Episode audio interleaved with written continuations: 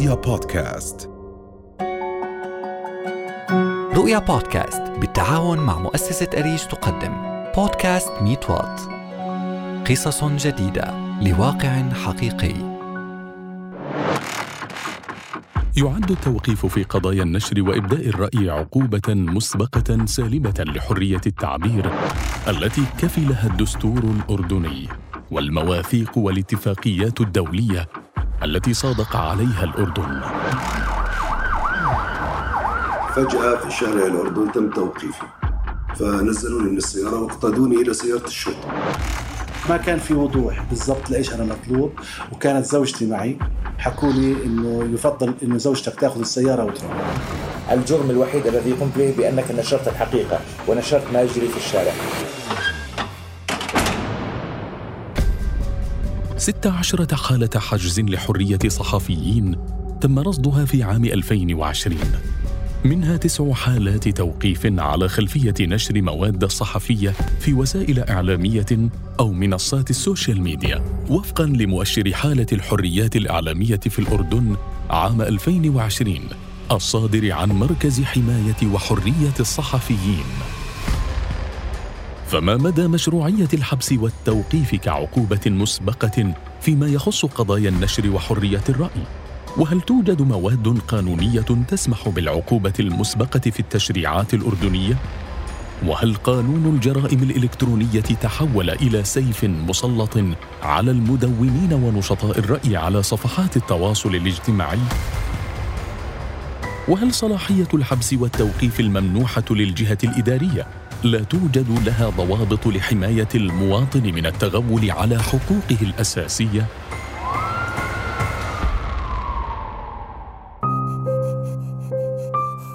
بينما كان رسام الكاريكاتير المعروف مبتكر شخصية أبو محجوب السيد عماد حجاج في الطريق إلى بيته في عمان أوقف في حاجز أمني وأخبر أنه مطلوب دون إبداء أسباب عادت زوجته إلى البيت وحدها لتفاجأ بتحويله إلى محكمة أمن الدولة على ذمة تهمة متعلقة بالحريات العامة والنشر.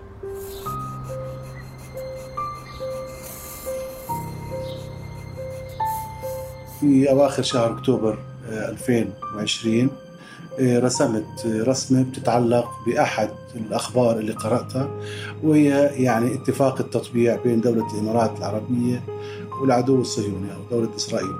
فعلقت على هذا الخبر بكاريكاتير رسمته لصالح صحيفة العرب الجديد في لندن.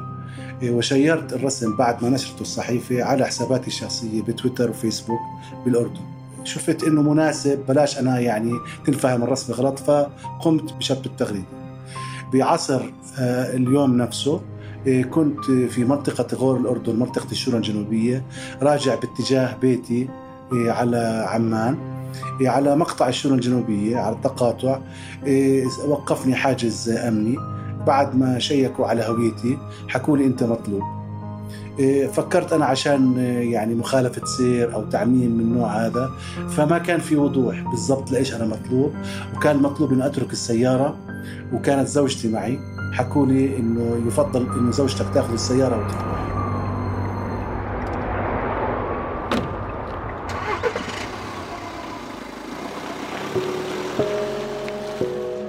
تم توجيه الاتهام إلي اللي إنه هو أنا اللي قمت فيه مخالف لقانون أمن الدولة الإساءة وتحكير صفر علاقات مع دولة عربية مكرر ثلاث مرات. آه، بقيت في السجن لمدة آه، يعني خمس أيام. كانت فترة عصيبة علي. أنا أول مرة أسجن لهي الفترة في حياتي. أنا بشتغل بالكاريكاتير من حوالي 30 سنة في الأردن ورسمت يعني جلالة الملك رسمت رؤساء الوزراء رسمت رسومات خطيرة جدا لم يتم سجني عليها. أنا أدعي أن بعرف القانون اللي بشتغل فيه وبعرف حدودي جيدا. فهذه كانت يعني بالنسبة لي آه، حادثة صاعقة جدا بكل تفاصيلها. المفارقة المؤلمة إنه أنا يعني كنت أرسم في فترات سابقة بنعتبرها فترات قمعية أو كذا والله كنت أرسم بأريحية أكثر من الآن. الآن أنا بخاف إذا رسمت رسمي هلأ أكون تحت بند قانون الجرائم الالكترونيه راح ألاقي حالي بالحبس.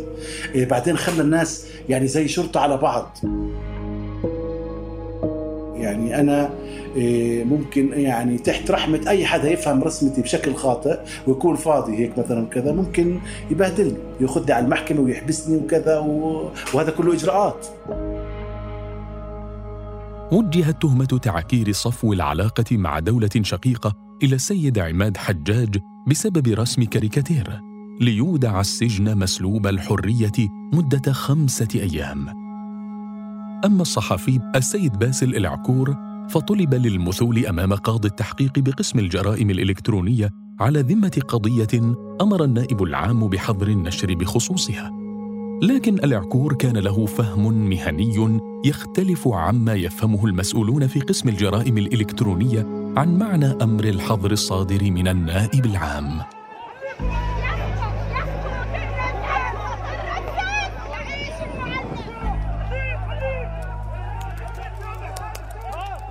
بعد قيام جو 24 بنشر آه، الأخبار المتعلقة بنقابة المعلمين عمليات التوقيف التي جرت الاعتصامات التي كانت تنفذ آه، عمليات الاستدعاء اللي كانت تجري بصفة دائمة ودورية من قبل الأجهزة الأمنية. كنا نحن نغطي كل هذه الأخبار. آه، صدر هناك تعميم من النائب العام بحظر النشر في هذه القضية. ونحن نفهم بأن حظر النشر له علاقة بكل ما يتصل بمحاضر التحقيق والإجراءات التي يجري الحديث عنها داخل اوراق المحكمة أو التي تدون في محاضر جلسات التحقيق على نحو يؤثر على سير القضية.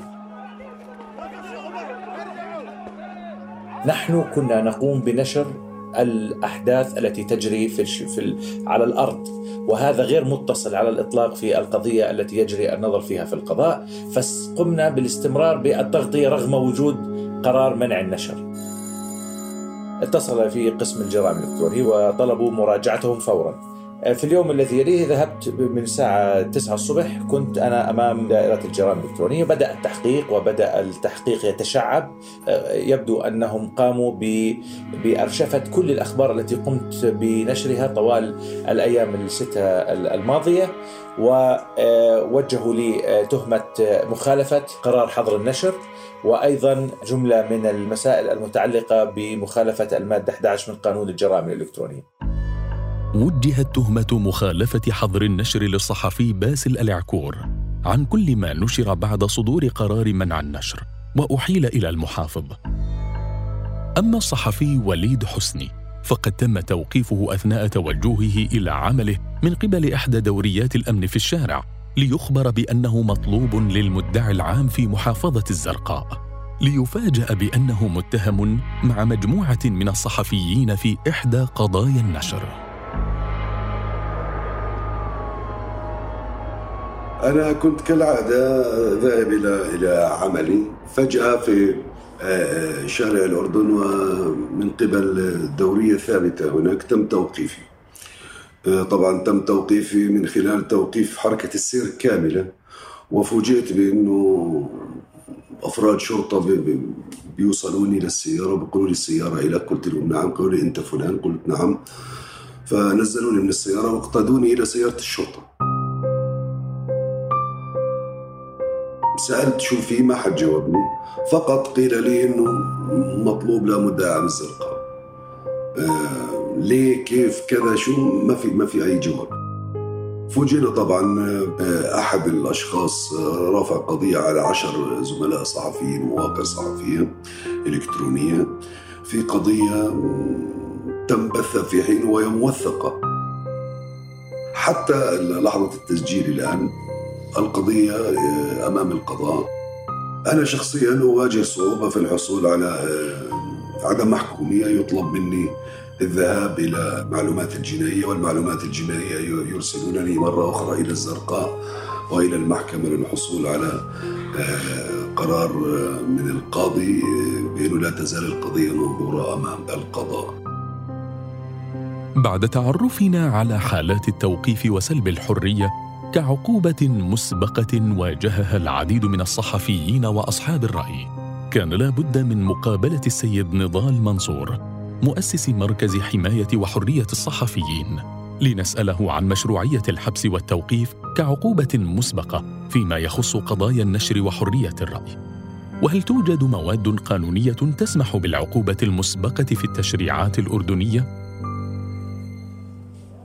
قضية التوقيف على وجه التحديد كانت سابقا في قانون المطبوعات والنشر ثم عدل القانون فلم تعد قائمة ولكن موجودة في قوانين أخرى تجيز التوقيف مثل قانون العقوبات، قانون منع الإرهاب، قانون الوثائق وأسرار الدولة، قانون الجرائم الإلكترونية المادة 11 التي آه، أثير ضجيج حولها وما زالت حتى الآن قائمة، كل هذه المواد الموجودة في هذه تجيز عملية التوقيف والتوقيف عقوبة مسبقة. وفي العالم آه، لا يجوز الحبس في قضايا حرية التعبير.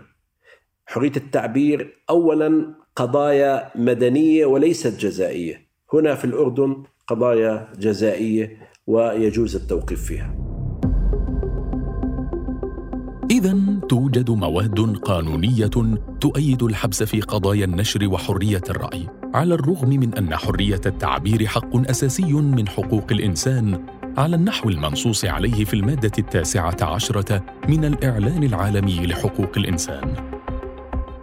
إلا أن المركز الوطني لحقوق الإنسان رصد 982 قضية تخص إعلاميين ونشطاء أصحاب رأي أقيمت بناء على المادة الحادية عشرة من قانون الجرائم الإلكترونية. أوقف بسببها 433 شخصاً. تقابلنا مع علاء العرموطي لسؤاله عن تغول قانون الجرائم الإلكترونية على المدونين ونشطاء الرأي على صفحات التواصل الاجتماعي.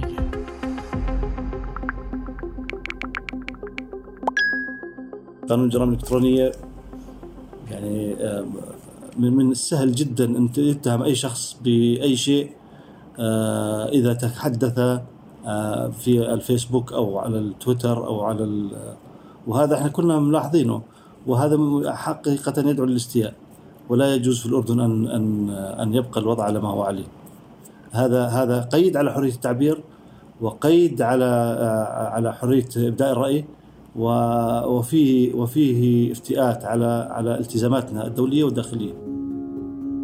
منح المشرع الحق في التوقيف للجهة الإدارية، ولكن هل هذا الحق منح دون وضع ضوابط واضحة يجب الالتزام بها حتى لا تتغول الجهة الإدارية على الحقوق الأساسية للمواطنين وعلى رأسها الحق في حرية الرأي والتعبير؟ توجهنا بهذا السؤال إلى المحامية هالة عاهد. وفقا لأحكام القانون التوقيف هو تدبير استثنائي وينبغي اتخاذه وفق ضوابط سواء على المحكمة أو على المدعي العام أنه يتم أخذها بعين الاعتبار. آه، من هذه الشروط والضوابط أن آه، يكون هناك خشية من من ضياع الأدلة أو التأثير على الشهود أو أو أن لا يكون هناك مكان معلوم لهذا لهذا الشخص. للمتهم في الدعوة. يعني في حالات التعبير عن الرأي على سبيل المثال مظاهرة أو آه، آه، بوست على الفيسبوك ما هي الأدلة التي يخشى آه، ضياعها؟ كيف سيتم التأثير على على الشهود؟ لا يوجد هناك خطر على حياة المجني عليها أو على حياة آخرين. هذه الشروط غير متوافرة ومع ذلك يتم التوقيف بشكل متوسع فيه. ناهيك أن هناك توقيف آخر وهو يعني خطير جدا وهو التوقيف الإداري. والتوقيف الإداري مع أن قانون منع الجرائم هو أيضا قانون غير دستوري وقانون ينتهك الحريات ولا ينسجم مع المعايير الدولية. لكن مع هذا أيضا القانون نص على آه، شروط آه، لتوقيف الأشخاص منها أن يكون هذا الشخص معتاد الإجرام وأن يكون في آه، ترك حر خطر على المجتمع. ولكن يتم التوقيف دون وضع هذه الضوابط. كل نشطاء الرأي الذين يتم توقيفهم ليسوا خطرا على المجتمع وليسوا من معتادي معتادي الإجرام ومع ذلك يتم توقيفهم دون حتى اتباع الإجراءات الواردة في القانون.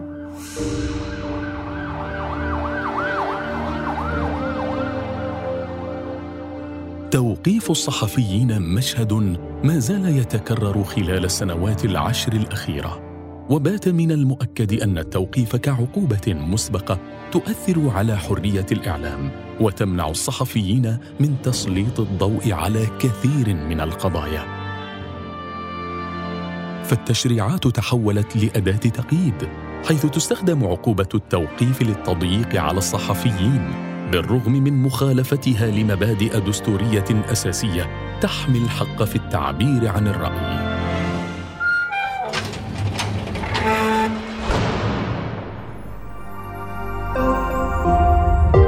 رؤيا بودكاست.